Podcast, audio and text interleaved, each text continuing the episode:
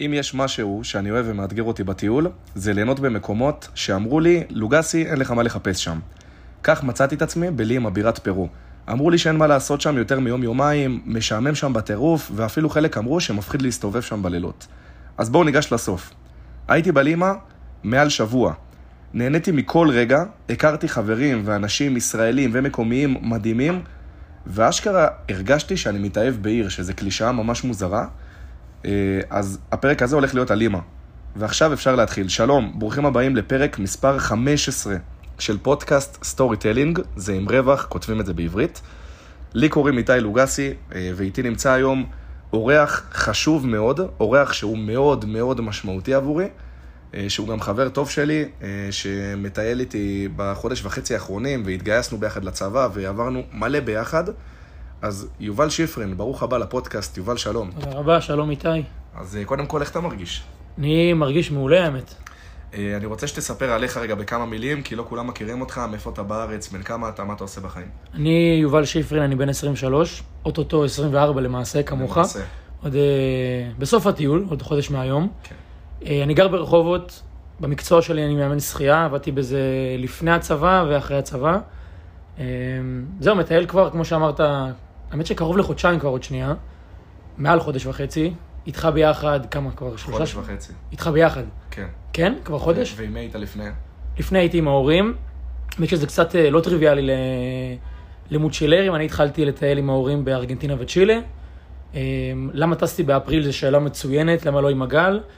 ענייני עבודה, ענייני אה, פסיכומטרי, לימודים, כיוונים בחיים, אבל העיקר שאנחנו פה עכשיו, הצטרפנו, עשינו חבירת כוחות בקוסקו, ומאז אנחנו מטיילים ביחד.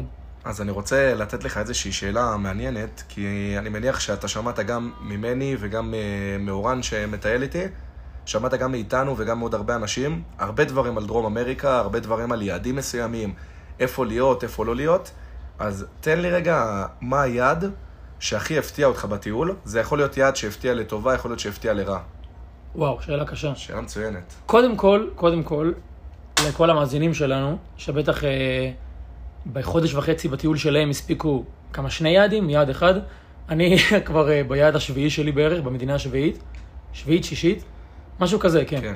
אה, ככה שדקרתי המון אה, נקודות במפה, ואני יכול להגיד שמתוך כל מה שחוויתי, המקום הכי מפתיע כנראה, כנראה זה אקוודור, אתה יודע? כנראה זה אקוודור. כי זה יעד שאנשים מגיעים אליו רק למקום שנקרא מונטניטה, שאפשר לפרט עליו אחר כך, ואו שבכלל מדלגים עליו ולא מכירים את המדינה הזאת, או מזמינים את ההורים לגלפגוס. אבל כשאנחנו היינו בקיטו בערך שבוע, ארבעה, חמישה ימים, כמה שזה היה, גילינו מדינה מטורפת, עם טבע מאוד מיוחד, שלא... מתקדמת יחסית גם. מתקדמת, שלא אופייני ליבשת, משהו שלא... רואים- כן רואים אותו באמזונס, אבל משהו עם איזשהו... לא יודע איך לקרוא לזה, ססגוני ומשולב. אה, אז נראה לי שאקוודור זה נאמבר 1 כרגע בהפתעה הגדולה של הטיול. מצוין. אז אה, יובל, רק שנייה לפני שנתחיל, אני אתן רגע את הרקע על הפודקאסט. אה, אני עושה אותו מתחילת 2023, מהרגע שהתחלתי את הטיול הגדול שלי. אה, הייתי ביחד עם אורן, ועכשיו גם איתך, היינו בארגנטינה, בצ'ילה, ברזיל, בוליביה, פרו, אקוודור, פנמה, ואנחנו כבר שבוע נמצאים בקולומביה, שהיא מדינה אדירה. נכון. את הפודקאסט הזה אני עושה בעיקר כדי לעזור, אני מאמין שאם תשמעו אותו, תקבלו הרבה ידע על מקומות שטיילנו בהם, שנהנינו בהם, שהיינו במסיבות. אה, נביא לכם גם כמובן תובנות ומחשבות של הטיול הגדול, ננסה גם דברים שלא מדברים עליהם. ומילה אחת על הפרק הקודם. הפרק הקודם היה במתכונת שונה, לא דיברנו על יעד מסוים, אלא דיברנו עם איש מסוים, אה, שאותו איש הוא שגריר ישראל בפנמה, איש מכובד, אה, שביחד איתו ניסינו להבין איך תופסים את ישראל בעולם, כי תמיד שומעים, ישראלים עושים בלאגן, ישראלים עושים נזק, ישראלים הולכים בחבורות. אמרנו בואו נתחיל להפריח קצת סטיגמות, וכך הגענו להיום, שאנחנו נמצאים בקולומביה, כרגע אנחנו נמצאים במדג'ין, אבל את הפרק הזה אנחנו עושים על בירת אה, פרו, לימה. אז שיפרין, אתה יכול להתחיל לספר לנו על לימה. טוב, קודם כל לימה, למי שלא יודע, אבל הרוב יודעים, היא בירת אה, מדינת פרו, אה, והיא כמובן העיר הכי גדולה במדינה. כמו המון אה, ערי בירה ב- ביבשת, אה, בדומה לבואנוס איירס, סנטיאגו בצ'ילה, אה, חיים שם קצת פחות מ-10 מיליון נפשות, שליש מכל אוכלוסיית פרו, עכשיו פרו מדינה ענקית, אה, ושליש מהאוכלוסייה מתאכסנים במקום אחד אה, על חוף האוקיינוס השקט, נכון? שקט. כן, השקט מצד מערב. אה, אז המיקום של העיר הוא באמת בדרום מערב המדינה, עיר עצומה, כשאנחנו נוחתים אה, בשדה תעופה, רואים מהמטוס, אי אפשר לראות את הסוף מהמטוס, ככה שקשה לבקר בכולה בטווח של אה, שבוע, שבועיים, אפילו חודש. אה, וניגע תכף באטרקציות, אין יותר מדי מה לבקר בכולה, אה, כמו רוב הערים בדרום אמריקה. מבחינת העיר עצמה והשם שלה. עכשיו, יש כמה תיאוריות. ייתכן והמקור הוא בצמד המילים אה, משפה עתיקה, לימה לימק, שזה בעצם אומר בתרגום לעברית פרח צהוב. מה הקשר של הפרח, של הפרח הצהוב לעיר עצמה, אנחנו עוד לא, לא, לא ביררנו, אבל זו השערה הראשונה. השערה השנייה אה, היא משפת בני האינקה, מי שטייל במצ'ו פיצ'ו וטיפה חקר על תרבות אה, בני האינקה, השפה שהם דיברו בה זה הקצ'ואה, איך מבטאים את זה? קצ'ואה. אה, ששם המשמעות של המילה רימק היא מדבר, באמת פרו מדינה שנמצאת אה, ברובה בשטח מדברי. אה, המקומיים השמיעו את המילה לימק במקום הרייש, במקום הלמד שמו רייש, וכך השם של העיר נתפס. אז זה שתי התיאוריות על השם שלה, אבל אנחנו מכירים את השם הנפוץ לימה, אוהבים לקרוא לה ככה. איזה תיאוריה אתה יותר אוהב? אני אוהב את הרימה, לימה. אני דווקא מעדיף את השנייה, כי אני אוהב את השפה. אני, אני אוהב את הקאוצ'ה, קצ'ואה? את הקצ'ואה, כן. הבנתי. אני מתחבר לבני האינקה קצת. אתה לא דומה להם כל כך. לא, בכלל, לא, באמת ואנחנו שלא. הולכים לדבר על זה עוד מעט. אה, ניגע רגע באטרקציות. אז בלימה יש בעיניי הרבה מה לעשות. זה מתחיל ב... אני חושב, ההיילייט המרכזי בעיר, מצנח רכיפה על החוף. יש איזה רכב קטן כזה, איזה מנוע קטנטן עם מדריך שפשוט מעלה אותך. אתה יודע? איך? בקאי, בקאי? שזה בחוף בנתניה. אז בקאי. הבקאי הזה מעלה אותך לאוויר לאיזה גובה מאוד יפה, שאתה רואה את כל העיר מלמעלה, גבוה מעל הבניינים הכי גבוהים בעיר. אה, ובערך איזה 20 דקות הוא עושה איתך כל מיני פעלולים באוויר, מתהפך, מסובב אותך. חלולים זה הגדרה מצוינת. וזה ממש נחמד, יש שם קזינואים בשפע, יוקרתיים, איכותיים, קניונים, כולל איזשהו קניון מאוד מרשים שהוא פשוט על הים, דמיינו כאילו שבמקום חוף בתל אביב שמים קניון בלי גישה לחוף, שזה לר קומר. זה יפה. אה, פסטיבלים עולמיים, כמו לדוגמה פסטיבל האולטרה, שזה מוזיקה אלקטרונית שהיינו בו. אה, יש את שכונת מירה פלורס, שזה שכונה שבה כל התיירים מתרכזים, אה, מלאה במסעדות, מלאה בברים, במסיבות. אה, יש חופי ים לגלישה, יש קארטינג ויש כמובן עוד דברים ש... אני אגיד שזה טיפה סאחי, כל מיני מוזיאונים ופארקים, דברים שפחות נוגעים אלינו, אז לא ניגע בהם. אבל יש איזה עניין, שהגענו ל- ללימה, לשכונת מירפלורס, ישנו שם באיזשהו הוסטל, ושיפרין אמר לי, אגב, שיפרין זה יובל, אני קורא לו שיפרין, שיפרין אמר לי שיש מירפלורס כמעט בכל עיר בדרום אמריקה. אז בוא, בוא שנייה נגיד רגע מה זה מירפלורס. מירפלור, זה כמו שיהיה בכל אה, עיר בארץ רחוב הרצל, או נכון. רחוב, או רחוב בגין, או רחוב, אה, לא יודע מה, בן גוריון. אה, מירפלורס, מה שזה אומר בעצם זה מהמילה mirror באנגלית, מראה, פלורס זה פרחים, אז תמונת הפרחים, מראת הפרחים, משהו כזה, ובעצם בכל עיר גדולה, אפילו, אפילו קטנה בדרום אמריקה, יש שכונה כלשהי שנקראת בשם הזה, למשל במדג'ין, איפה שאנחנו עכשיו, אז מירה פלורס זה דווקא שכונה שהיא קצת יותר מעמד אה, ביניים, מעמד נמוך. בלימה, לעומת זאת, זו הייתה שכונה כמו, כמו דיזינגוף, כמו לא, רמת אביב ג'. שכונה הכי טובה. כן, הכי, הכי. טובה על הים, הכי יפה, אז יש את זה בכל עיר, אה, רק צריך אה, לקלוע מה המקום הטוב. ומבחינת מירה פלורס היינו שם באמת הרבה זמן. תן איזה מילה על חיי הלילה. אוקיי, אז חיי הלילה טיפה מתעתעים, למה? כי יש המון מועדונים והמון מקומות שהם של מקומיים, שיודעים שישראלים אוהבים להגיע אליהם, והמוזיקה שנשמעת שם בעיקר זה רגטון, ויכולים לעשות על הישראלים שם קופה, או לשלם, אה, לקחת בכניסה המון המון תשלום, אה, ככה שצריך להתחמק מזה ולדעת לפני לאן הולכים. במירה פלורס עצמה, חיי לילה מצוינים, בעיקר במקום, אה, בקניון שציינו בלאר קומר, יש שם מועדון שנקרא לימה בר, שהוא המקום הכי מפונפן בעיר, אני יכול להגביל את זה לנמל שלנו, או כן, אפשר. שמשהו ב- באזור, אה, לא יודע, או, או רוטשילד בתל אבל אביב. לא משהו שילדים בני 18 נכנסים. לא, לא, לא, בכלל, בכלל לא. מקום שם מכובד, באים עם חליפות. בנות על עקבים, חבר'ה כן. עם אה, חליפה, מכופתרות. זה לימה בר. ליד הלימה בר יש עוד מועדון ששכחתי את שמו, שהכל נמצא בקניון הזה על החוף. ובכללי בכל האזור, אה, ב- ליד ההוסטל שישנו בו, וכל הרחובות הצדדיים, מלא מקומות. מקום שנקרא Calle de Pizza, זה רחוב הפיצות, יש שם כמויות של dance ברים וכמויות של אה, ברים חמודים כאלה, שבעיקר בסופש פעילים. אז חי, מבחינת חיי לילה לא חסר, אבל שוב, כמובן, כמו בכל מקום בדרום אמריקה, בעיקר בסופש, אה, ובעיקר מקומות שתיירים הולכים לשם, או שאתם מקבלים המלצות ממישהו מקומי, שלא תיפלו, לא תקבלו חתול בשק. מבחינת איך מגיעים אה, ללימה, אז באופן כללי זה בירה של מדינה, אז יש שם אה, שדה תעופה בינלאומי ענק, אה, מקביל לצורך העניין לשדה תעופה נתב"ג אה, בארץ, שדה גדול עם דיוטי פרי מפנק. אז אפשר להגיע לשם בטיסה מכל עיר בערך ביבשת וגם מהרבה מקומות אה, במערב אירופה, לדוגמה מדריד, לדוגמה ליסבון.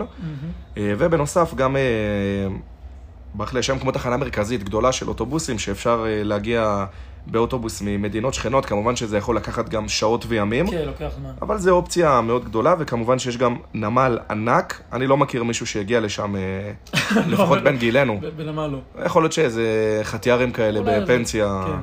פינקו את עצמם.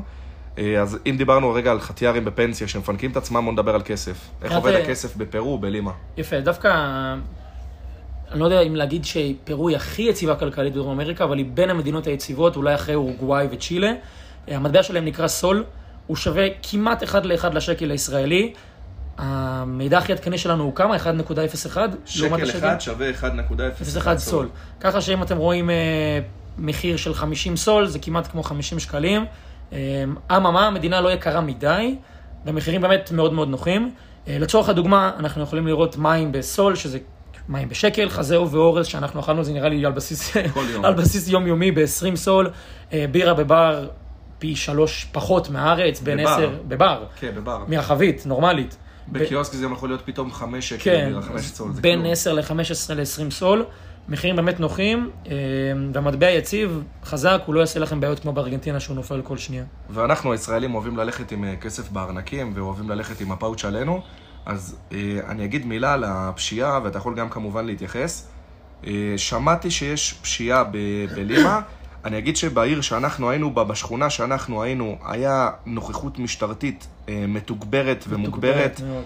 אה, כל מקום היה שוטרים, כמעט ולא חווינו כלום, גם מבחינת רוכלים, הם יחסית רוכלים נחמדים, אף אחד לא כופה את אני עצמו יכול עליך. להגיד שזה בין המקומות היחידים ביבשת עד עכשיו שהרגשתי לחלוטין בטוח ללכת שם. אז הלכנו באותה שכונה. עם הטלפונים בחוץ, בטח, פאוצ'ים, בטח. חופשיים, הכל. אה, אבל כמובן שאם אתם יוצאים מהעיר, שימו לב שזה מסוכן, אני רק נותן ספוילר להמשך, עוד מעט שיפרן מספר איך גנבו לו את הטלפון. כן. אה, ומבחינת אה, מזון, אתה רוצה לגעת באיזה משהו טעים שאכלת בלימה? מזון. קודם כל, המאכל המקומי של הפרואנים, אה, זה משהו שנקרא קוי. חשוב לציין את זה, לא? כן. נקרא קוי. מה זה קוי? קוי, אני מקווה שכל המאזינים פה, שלא יעלה לכם קי חלילה, זה שרקן, גיניפיג, שרקן שהם מטגנים אותו, מגישים אותו על מצע של תפוחי אדמה. זה נורא. עכשיו, למה שרקן? זה כמו העוף שלהם, כנראה כי זה פשוט נפוץ במדינה. אה, שרקן, ממש כמו שאתם מדמיינים, הוא גר חמוד אה, ששורק, אז אצלנו בישראל זה חיית מחמד, פה זה מאכל מקומי, לא טעמנו אותו, חשוב- להגיד לא טעמנו אותו, לא מטעמי כשרות, גם פשוט כי זה קצת נראה מזעזע, אתה מסכים איתי, זה לא משהו שאנחנו רוצים לטעום, אה, אבל בכללי המזון, גם רשתות אמריקאיות בכל מקום, גם האוכל בהוסטלים טעים, גם המסעדות הפשוטות שמגישות לך חזהו ואורז או איזה פסטה טובה, לא עשה כאבי בטן, אין משהו שצריך להיזהר ממנו מבחינת טריות. כמובן, אם אתם באיזה דוכן ברחוב, אז אה, בהצלחה. בהצלחה זה אחריותכם, אבל בכללי, עשר מתוך עשר לדעתי.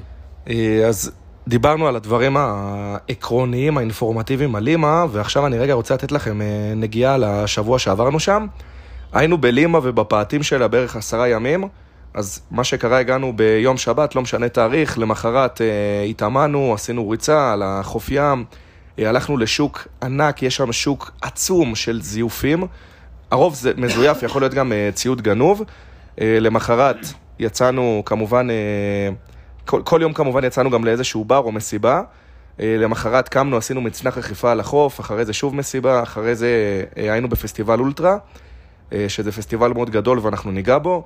הגענו כבר ליום רביעי, אה, גנבו ליובל את האייפון, אז היינו ביום שלם של חיפושים, קצת משטרת לימה, קצת אה, דוחות. אה, והיה טקס של יום הזיכרון אה, אה, הישראלי שעשו אותו בלימה.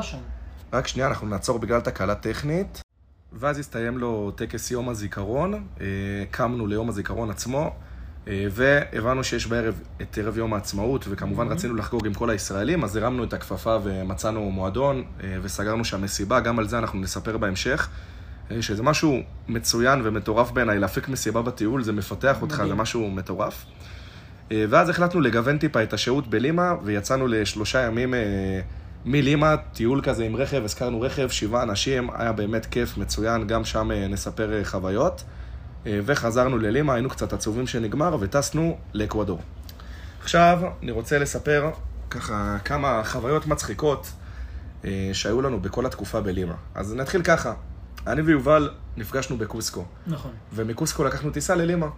נכון. הגענו ללימה, פגשנו עוד שני ישראלים שישנו איתנו באותו הוסטל, אז אמרנו להם, בואו ניקח מונית ביחד. מהמם. מצאנו נהג מונית, והנהג היה קצת אה, כזה... זה אפילו לא- זה אפילו לא נהג מונית, זה היה, מצאנו בן אדם שמשלח מוניות. משלח מוניות. והייתי בטוח שהוא הנהג. נכון. ואז הוא שיבץ לנו מישהו שהוא מצא אותו באיזה בור שם בביוב או משהו, כן, נהג מונית. הרים אותו מהרצפה, איזה כן, לא מישהו. יודע איפה הוא גירד אותו. ואז הנהג הזה פתאום הולך, פותח את הרכב, ושולף מטריה, כי היה, היה שמש, והוא הביא ליובל. עכשיו, למה הוא הביא ליובל?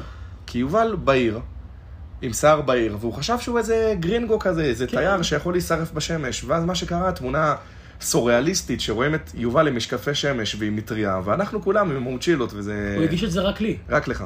עכשיו, גם נועם שהיה איתנו, היה לנו עוד חבר שם, הוא גם יחסית בהיר. גם יחסית בעיר. אולי כי הוא גבוה לא כי היה הביאו לו לו. זקן.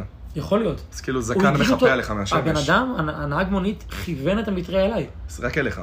זה היה, זה היה רגע מאוד מוזר. אגב, אם אנחנו רגע פוסלים את זה על צבע עור ועל צבע שיער, אז זה בגלל זקן, אתה היחיד שהיה בלי זקן. והבחורה שהייתה היא איתנו, בחורה הייתה פשוט. בחורה, היא כאילו... הייתה קצת שחומת עור כנראה. שחומת עור כן, כמוני, אז כן, לא הייתה צריכה, כי היא לא יכולה להישרף. כן. נכנסנו למונית, הנהג פתאום בא ואומר לי משהו, אה, ישו בירושלים. Solomon. אה, לא, לא, הוא אומר לנו Solomon, Solomon, temple. Solomon temple in Jerusalem.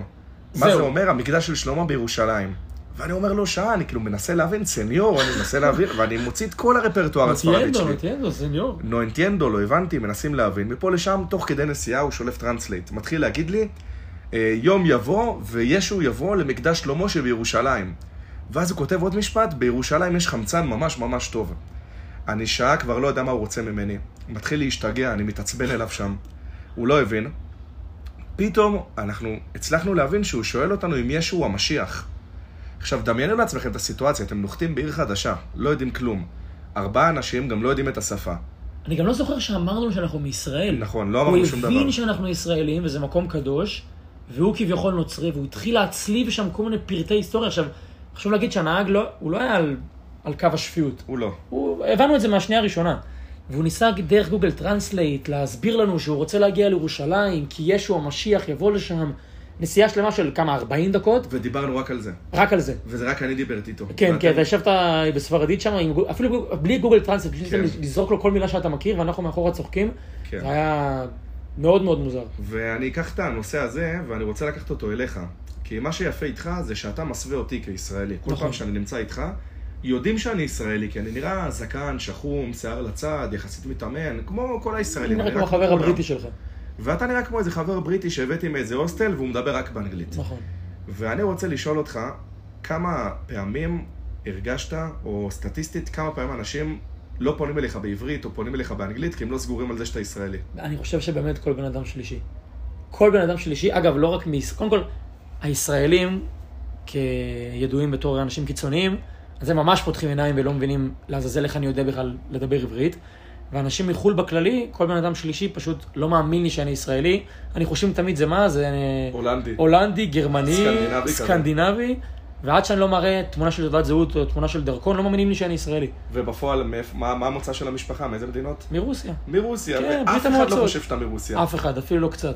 ו- זה הזוי את האמת. הדבר הכי יפה זה שאתה, אתה, יש לך רדאר לרוסים, לאנשים שהם דוברי רוסית. נכון, שם זה אותם. אתה ישר מזהה אותם, ותחשבו כמה, כמה, כמה תסביכים אתה מייצר. כן, אתה, אתה גם לא נראה ישראלי, נכון. אתה גם לא נראה מנגד אני לא נראה יודע רוסי. רוסית, נכון. ואתה לא יודע לא הולנדית, לא גרמנית, ג- גם אנשים רוסים שאני יכול לפנות אליהם ברוסית, לא מבינים איך אני יודע רוסית בכלל. מטורף. זה ממש מוזר. ולמה אני מבסוט? אני רוכב על הגל, ככה אני יכול להסתוות. בעצם כן. זה כמו איזה...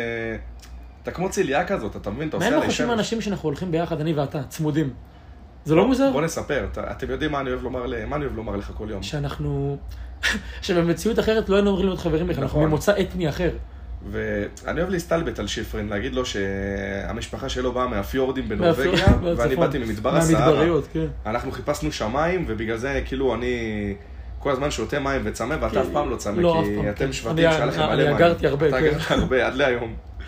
אה, ומשם אני רוצה לספר את הסיפור הבא, של סיפור פסיכי, זה כבר ב- בלימה. בלימה. בהוסטל. אנחנו כבר אה, הגענו להוסטל, ישנו שם כמה ימים, היינו בחדר של ארבע. היינו איתי לוגסי, יובל שיפרין ואורן עמר. נכון. והיה עוד מיטה רביעית פנויה, אבל לא שיפצו לנו אף אחד בחדר, אז נכון. יכולנו לישון איפה שאנחנו רוצים. אורן החליט שלמרות שכתבו אותו שהוא אמור לישון במיטה למעלה, הוא יורד למיטה למטה. התמקם שם, ישן, בלגן את השמיכה, כן, הזיל קצת ריר אולי בלילה. כמובן. ישן כמו שצריך. כן. מפה לשם מגיע בעל ההוסטל, ובעצם אומר, אה, לא, הגיעה איזה, איזושהי עובדת הגיעה נכון. ואמרה לאורן שהוא... שאלה אותו למה הוא למטה. למה הוא למטה? כי הגיע אורח חדש, והאורח חדש אמור לישון למטה. וזה איזה ישראלי, אני לא זוכר את השם שלו אפילו. חשוב להגיד שבהוסטל זה משום מה, הם ממש מקפידים על מי ישן באיזה צד, באיזה קומה. ברמה שהם כותבים את השם שלך על המיטה. once נרשמת עם החץ למטה, אתה ישן למטה, אתה לא יכול לשנות.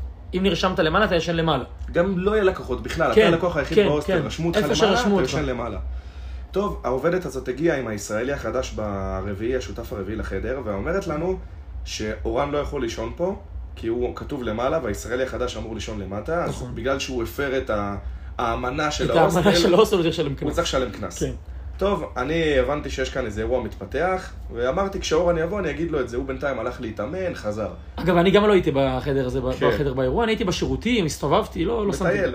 פה לשם אורן אה, מגיע לחדר, ואני אומר לו, תקשיב, אחי, אתה, יש מצב שאתה הולך לשלם קנס, עשית פה בלאגן, חמים עליך בהוסטל.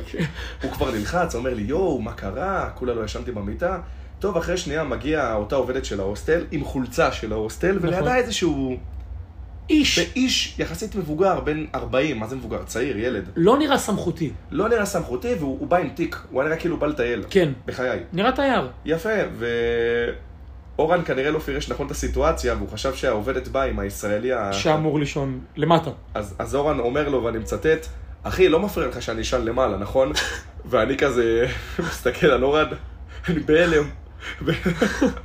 לא מצליח להגיב, זה הבעלים של ההוסטל, ואני כבר מכיר אותו, אורן לא יודע את זה. הכרנו אותו מלפני. הכרנו מלפני, ואז אני אומר לו, אורן, אורן, אחי, זה הבעלים של ההוסטל. אורן, אורן, זה הבעלים של ההוסטל. אורן נהיה אדום, הוא לא יודע איך להגיב. למזלו גם הבן אדם לא ידע עברית, אז הוא לא הגיב לו, הוא לא הבין מה הוא כן, שואל אותו. אבל אחד הדברים המצחיקים זה שאני קלטתי שאורן התבלבל, הבעלים של ההוסטל גם קלט את זה, והסתכלנו אחד על השני ולא צחקנו, כי ניסינו להיות זה רציניים. מאוד רציני של... אה, זה. וזה מתחבר למה שאתה אומר, שכמה פעמים אנחנו מתבלבלים.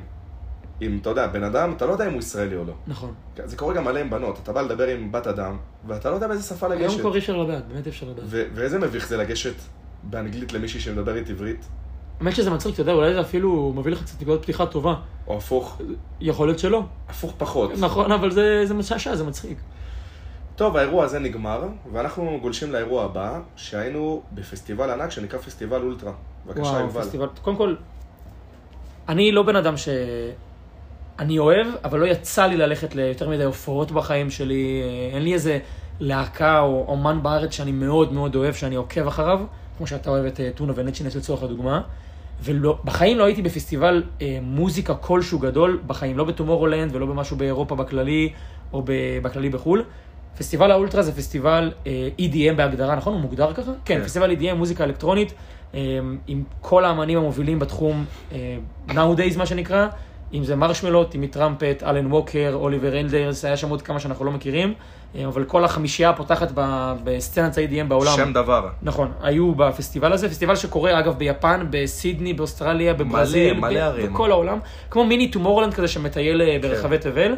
אה, אני יכול להגיד על עצמי, לפני שהאירוע הולך ומידרדר, הפסטיבל היה הדבר הכי מטורף שחוויתי בחיים, באמת. מטורף. העוצמות שהיו שם, המוזיקה, הבמה, וואו. התפאורה, זה, זה האורות. אפילו, גם מי שלא אוהב את, את המוזיקה האלקטרונית, אה, הוא לא יכול שלא ליהנות שם, באמת. כן. הלוואי ויכולנו דרך הפודקאסט להראות סרטונים או תמונות, זה פשוט חוויה אלחושית בגוף שלי הייתה מדהימה. אה, נגיד רק כאנקדוטה, היו שם ים ישראלים, ארגז של ישראלים, באמת. לדעתי מאות, והם תפסו נפח בקהל עם דגלי ישראל, ובאמת, היה וואו, חוויה מדהימה. מרגש, אין... איפשהו באמצע, זה היה באמת איזה שבע או שמונה שעות של אה, פסטיבל, אז איפשהו כן. באמצע אנשים יוצאים לצד, קצת לענות להודעות, לשתות בירה. אני יוצא לצד, נכנס לאחת מקבוצות הוואטסאפ של אה, העיר לימה, וקולט שמלא ישראלים מתלוננים שנגנב להם הטלפון. אה, באמת? אפילו זכרתי את זה. הרבה אנשים כתבו שם, וואלה. כל מיני אנשים, ושם התחלתי לחשוד, אז שמתי את הטלפון ממש מתחת לבוקסר, כאילו, כן. במקום הכי מאובטח שיכול להיות. מוצנע. הכי מוצנע, מאובטח, שלא יגנבו לי, לא כלום. חזרתי למסיבה, נהנה, רוקד, אחרי כמה זמן אני יוצא, אה, ואמרתי לשפרין שאני מחכה לו בחוץ. זה כבר היה. בסוף, נגמר. בסוף, נגמר. האומן האחרון ירד, זהו. ואני לא זוכר בדיוק את השעה, נגיד סתם, אחד ועשרה, אני שולח לשפרין את המיקום שלי, אומר לו, תבוא, אתה כותב לי, אני בא. כן. עובר כמה דקות. עונה לך, זמין, עם הטלפון ביד. מצוין, עובר כמה דקות, שולח לך הודעה איפה אתה, רואה שאתה לא עונה לי. אחרי שנייה אני רואה אותך מולי. עכשיו לא, תספר מה איך- קרה. איך- איך ראית אותי? איך איך הייתי נראה? היית בהלם. לא, כאילו, ראיתי עכשיו חייזר, אני לא יודע כן. מה. לח- פנים לבנות, לחוץ, רועד. אני אסביר רגע מה קרה. כמה רקדנו שם? שמונה שעות רצוף? הרבה. הטלפונים היו בכיסים, הארנק בכיס. עכשיו, הזהירו אותנו לפני, דרום אמריקה, יש גנבות, יש, אה, יש נוכלים, יש רוכלים, אבל לא, אתה לא חושב על זה כשאתה רוקד ונהנה, ובמיוחד כשאתה אתה, תחת השפעת אלכוהול. שמונה שעות רקדנו בצפיפות מטורפת, ושום דבר לא קרה. ביציאה כבר, כמו שלוגסי אומר ביציאה, אני כבר יוצא ללוגסי, כבר מזמינים מונית, אני כבר רואה אותו בערך מרחק של 30 מטר ממני, אני בא לצעוק לו, ופתאום אני נכנס למין שרוול כזה של אנשים, מלא רוכלים. מלא רוכלים כאלה מתקבצים סביבי, עכשיו לא רק סביבי, סביב כולם, ו... ואני מתחיל לדחוף אותם לצדדים, טיפה להתנגד, מרפקים, טיפה כתפיים, ופתאום אני שם לב שהם הם לא מחזירים לי, זאת אומרת שהם לא מנסים להתנגד בחזרה, זאת אומרת שהם הם רצו שאני אתנגד. הם רצו שאני אהיה באיזושהי סיטואציה לא נוחה, כדי בסוף, מה שאני יודע בדיעבד, להוציא לי את הטלפון מהכיס. עכשיו, אני יוצא מהשרוול אנשים הזה, פתאום אני כזה מתרווח, הולך ללוגסי, בא לשלוח לו הודעה, מניח את היד על הכיס, והופ, הכיס ריק. עכשיו, הכיס השמאלי של הארנק מלא, הארנק שם, טלפון נגנב. אני רץ ללוגסי, קורא לו, אנחנו מתחילים לחפש באטרף, אתה זוכר, פתחנו ישר את ה-Find My iPhone. קרא, קראת לאורן, קראנו לכל ישראלי שאנחנו מכירים לחפש, לצערנו, בלי הצלחה יותר מדי. ברמה שכבר אה, אנחנו באמת עוברים מול דוכנים, ואנחנו מנסים להסביר להם בספרדית, האייפון שלנו אצלכם, תביאו, כאילו ממש האשמנו לא אנשים. הייתי עצבני ככה בחיים. משפט שדה, באמת, זה היה משהו יוצא דופן, ולמחרת גילינו שנגנבו מעל עשרה אייפונים בישראלים. ואורן הגאון החליט לפתוח קבוצת וואטסאפ לכל מי. שנגנב. רכישה. לעשות קבוצת רכישה, לא הצלחנו, אבל זה לפרוטוקול. קבוצת תמיכה נפשית כזאת. אה, חזרנו מהפסטיבל באובר, אני ואתה, חזרה ל- מחוסר. טלפון, חשוב להגיד. מחוסר, רק אני עם טלפון, כן. אני מחבר אותנו לאנושות. כן. מגיעים ורואים איזה שני בריטים שיכורים. עכשיו, בעיקרון זה לא סיפור גדול, נכון. אין פה משהו לספר, פשוט בואו נדבר על השם של אחד מהם. כן. השם שלו דומה לקן. השם שלו, לו? קוראים לו קאש. ומי ששמע את הפרק השלישי של הפודקאסט, סיפרתי בבואנוס שהכרנו בן אדם בריטי בשם קן, אז עכשיו קוראים לו קאש. קאש, עכשיו, קאש. לא כמו מזומן, לא עם C, עם K. עם K.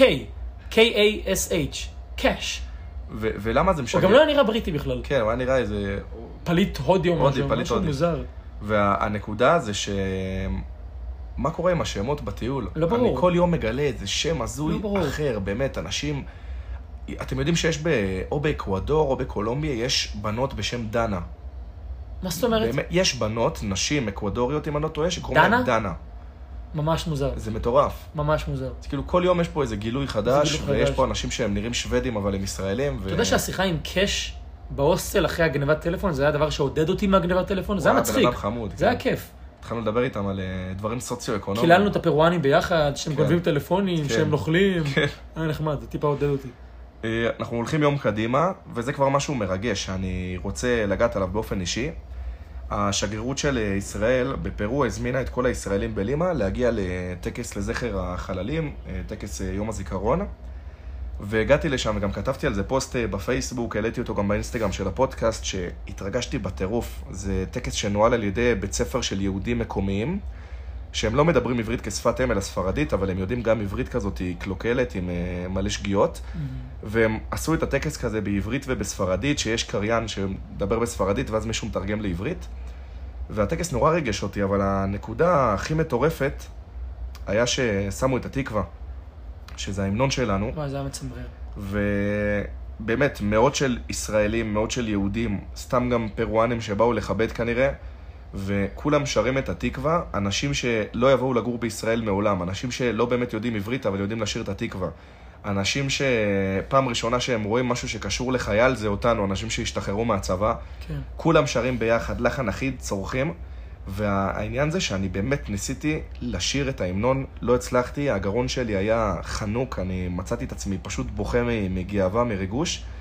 כי שרתי את ההמנון גם באושוויץ לפני הצבא, שרתי אותו גם כשנשבעתי בצבא, שרתי אותו כשסיימתי קורס קצינים, אה, שרתי אותו כשסיימתי קורס מ"פ. מפקדים, אה, קורס מפקדי פלוגות, מ"פים, והדבר הזה זה מצמרר, אבל לראות את זה בחו"ל, כן, זה אתם משהו... לא מבינים מה זה עושה.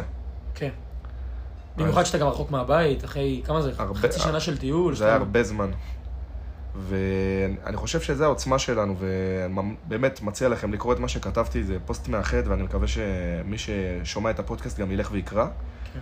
אז בואו ניגע רגע בדבר הבא, בנימה יותר משמחת, הסתיים יום הזיכרון, אה, ערב יום הזיכרון, נכנסנו ליום הזיכרון, ערב יום העצמאות, אה, ובעצם הבנו שאין מענה למסיבות לישראלים בלימה. נכון. ומה החלטנו לעשות? החלטנו לצאת במבצע אה, חנית נפטון, איך האמריקאים קוראים לזה? נפטון ספיר.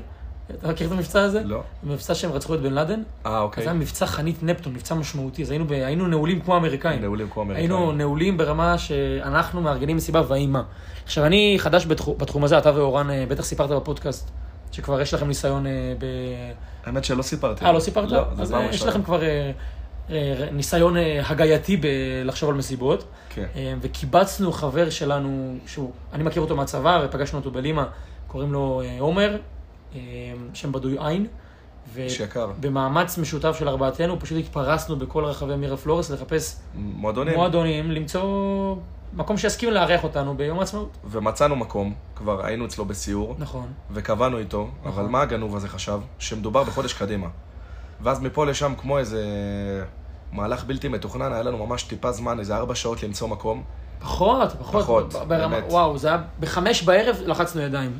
ומה שקרה זה שאני ויחד עם עומר התחלנו לחפש בנרות, פתאום מצאתי איזה גג נחמד, אמרתי בוא נעלה, אולי אפשר לעשות שם משהו. ברחוב הפיצות אגב, ממש. ברחוב הפיצות. איפה שכל הדנס ברים. ומקום שהוא באמת נטו בר כזה של מקומיים שבאים להשתכר עד 12 בלילה והוא נסגר. ואני באתי, הצעתי לו בוא נעשה מסיבה. והבעלים התלהב כי הוא יודע שזה מלא כסף. ובאו לדעתי 128 ישראלים לאיזה גג כן. קטן, והיה מסיבה מצוינת. מצוינת, בוא וואו. נפרגן לדי-ג'אים, איך קראו להם? אה, די.ג'יי אייסברג, קוראים לו עומר... אה, עומר מה? עומר? די-ג'יי עומר. אייסברג עומר. ודי.ג'יי אה, רן קטן, ששניהם מנגנים דברים שונים, אבל הם שניהם שילבו כוחות, היה... מצוינים. וואו.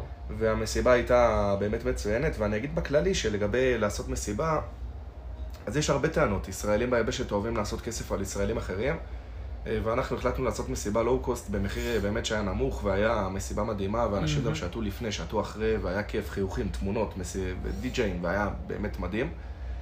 וזה מוביל אותי למסיבה, למסיבה הבאה. ממש למחרת נסענו, כמו שאמרתי, מלימה לאיזשהו אזור אחר, נקרא פרקס, יותר אה, דרומית מלימה, ונכנסנו שם להוסטל הידוע סלינה, היה שם ערב קריוקי, ערב שאמור להיות כיף. נכון. איזה שירים שמענו שם, אתה זוכר? זה היה... רק שירים עצובים. מוז... כן, מוזרים כזה. הם, הם עשו קריוקי עם השירים הכי עצובים שיש. נכון, עצובים, עם מילים דיכאוניות. ואנשים שם שותים בירה והם מקשיבים לשירים והם עצובים, עצובים. והתלבטתי אם להיכנס גם, בסוף נכנסתי, והחלטתי לשיר Feel So Close של קלווין כי אריס. בעברית לא היית שם משהו, היית כי חייב באנגלית. נכון. עכשיו, גם לא צריך משהו באנגלית מסובך מדי, קשה לשיר את זה, נכון? כן, כי האנגלית שלי לא שפת אם, אני לא... צריך משהו קל. אז Feel So Close יש לו בדיוק 40 מילים או משהו כזה, זה משהו קל. שחוזרות על- כן. שחוזרות על עצמן. אז שרתי וזה היה באמת אה, נחמד, אורן ושפרין אה, הצטרפו אלינו, וזה מוביל אותי למשהו שאני רוצה לשאול אותך. כן. האם גם אתה שם לב שישראלים נהנים בצורה יותר קיצונית אני- אני מאירופאים? בדיוק בא להגיד, יש- לנו, איך אני אקרא, סף הנאה אחר פשוט. אני לא יודע אם זה כי אנחנו ברברים כישראלים בדם שלנו, או כי פשוט ככה זה אמור להיות, אנחנו נהנים אחרת, אנחנו לא נהנים מדברים פשוטים כל כך. זאת אומרת, הוסטל שלם, זה היה רחבה כזאת, מין אה, פטיו כזה שלם, שולחנות, אנשים יושבים, לוגמים, לא שותים אפילו, לוגמים בירה. לאט לאט, לאט. ונהנים ממוזיקה וקריוקי, זה ערב כיף בשבילם. ואנחנו, אם לא היית שם את השיר הזה, כנראה היינו הולכים. כן. לנו היה מצחיק לראות אותך מביך את עצמך וקופץ שם ושר קלווין האריס, תוך כדי שאנחנו שותים, או לא משנה מה עושים, כי, כי אחרת זה היה פשוט משנה, זה היה ערב, לא יודע להגיד, מה- מעפן? כן, ערב מעפן. ירוד כזה. יש לנו סף הנאה אחר, אז אני חושב ש... אז כיף להיות ישראלי. כיף, ל- כן, כן, אתה יודע אני מה? חושב כן. שגם לך כיף שתי העולמות, כי אתה יכול להסתוות בכל עולם. אני יכול להסתוות, כן. כאילו, האירופאים חושבים שאתה בן עמם, אבל אתה לא, ואנחנו לא יודעים שאתה ישראלי, אז אתה כזה יכול להיות איתנו כל בשקט. אירופאי צריך מתישהו לבלות עם חבורה של ישראלים, לראות מה זה, מה שנקרא. ערב קצה. קנה מידה. קנה מידה, כן, של הנאה, אתה יודע מה, אני רוצה לוותר על הנקודה האחרונה, ובוא נדבר על משהו שלא תכננו לדבר עליו. בטח. אני אגיד רגע על קצה המזלג, בלי להיכנס לפרטים. גם אני וגם יובל חווינו אירועים אה, פחות נעימים בתקופה האחרונה.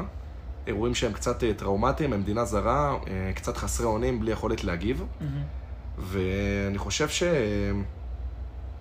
קודם כל זה מוביל למצבי רוח ירודים הרבה פעמים. הרבה כן. פעמים אין מה לעשות, זה טבעי, בן אדם מרגיש קצת מבואס. כן. והאמת שהתלבטנו באמת אם להקליט את הפודקאסט הזה, ואנחנו כבר כמה ימים, אני אישית מושך את זה הרבה זמן, כי אני לא אוהב להקליט אם אני לא מרגיש 100%.